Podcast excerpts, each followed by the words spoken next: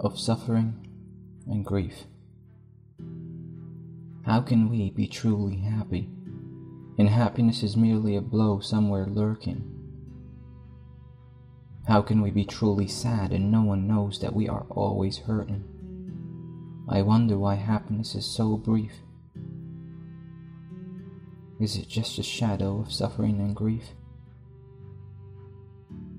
So old and so fragile I feel, and just last night I was young and at my prime. How can one age so quickly and abruptly? Seems like being merry for too long is a crime. Life is nothing but a thief who takes everything away but suffering and grief.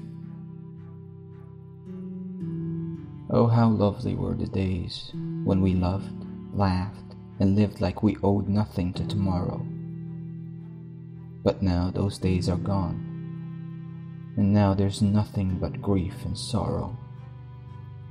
We sit and watch many a leaf rot in the grounds of suffering and grief. And if we dare, we can open our mouths and sing, or maybe moan, grunt, and wail for what we had lost in this battle of life, cry and weep until our souls could no longer bewail.